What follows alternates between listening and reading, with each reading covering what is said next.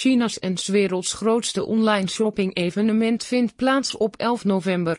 Bekend als Singles Day Deals, veranderde Alibaba en haar oprichter, Jack Ma, deze nationale vrije dag in een anti-Valentijnsdag dat sinds 2009 een wereldwijd shoppingfestival is geworden waar miljarden dollars in worden omgezet met Singles Day Deals. Hoe zijn Singles Day Deals begonnen?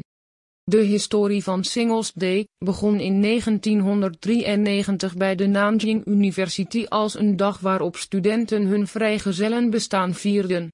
De datum 11 uur 11 werd gekozen omdat het lijkt op vier kale stokken. Waar gaat het om bij Singles Day Deals?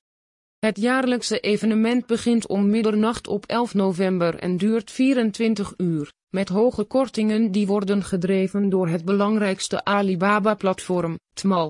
Zie het als de Aziatische versie van de Amerikaanse Black Friday en Cyber Monday shoppingzalen, maar dan groter dan die twee.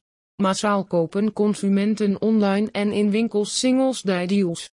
Wie doet er mee aan Singles Day Deals?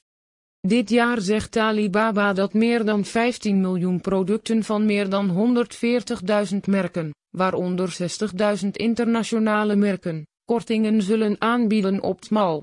Dit is een stijging van 100.000 ten opzichte vorig jaar. Naast de e-commerce gigant zijn ook andere platforms zoals JD.com een belangrijke concurrent geworden en zullen ze net zo hard pushen om shoppers aan te trekken. Check Singles winkels om te zien welke Nederlandse shops meedoen.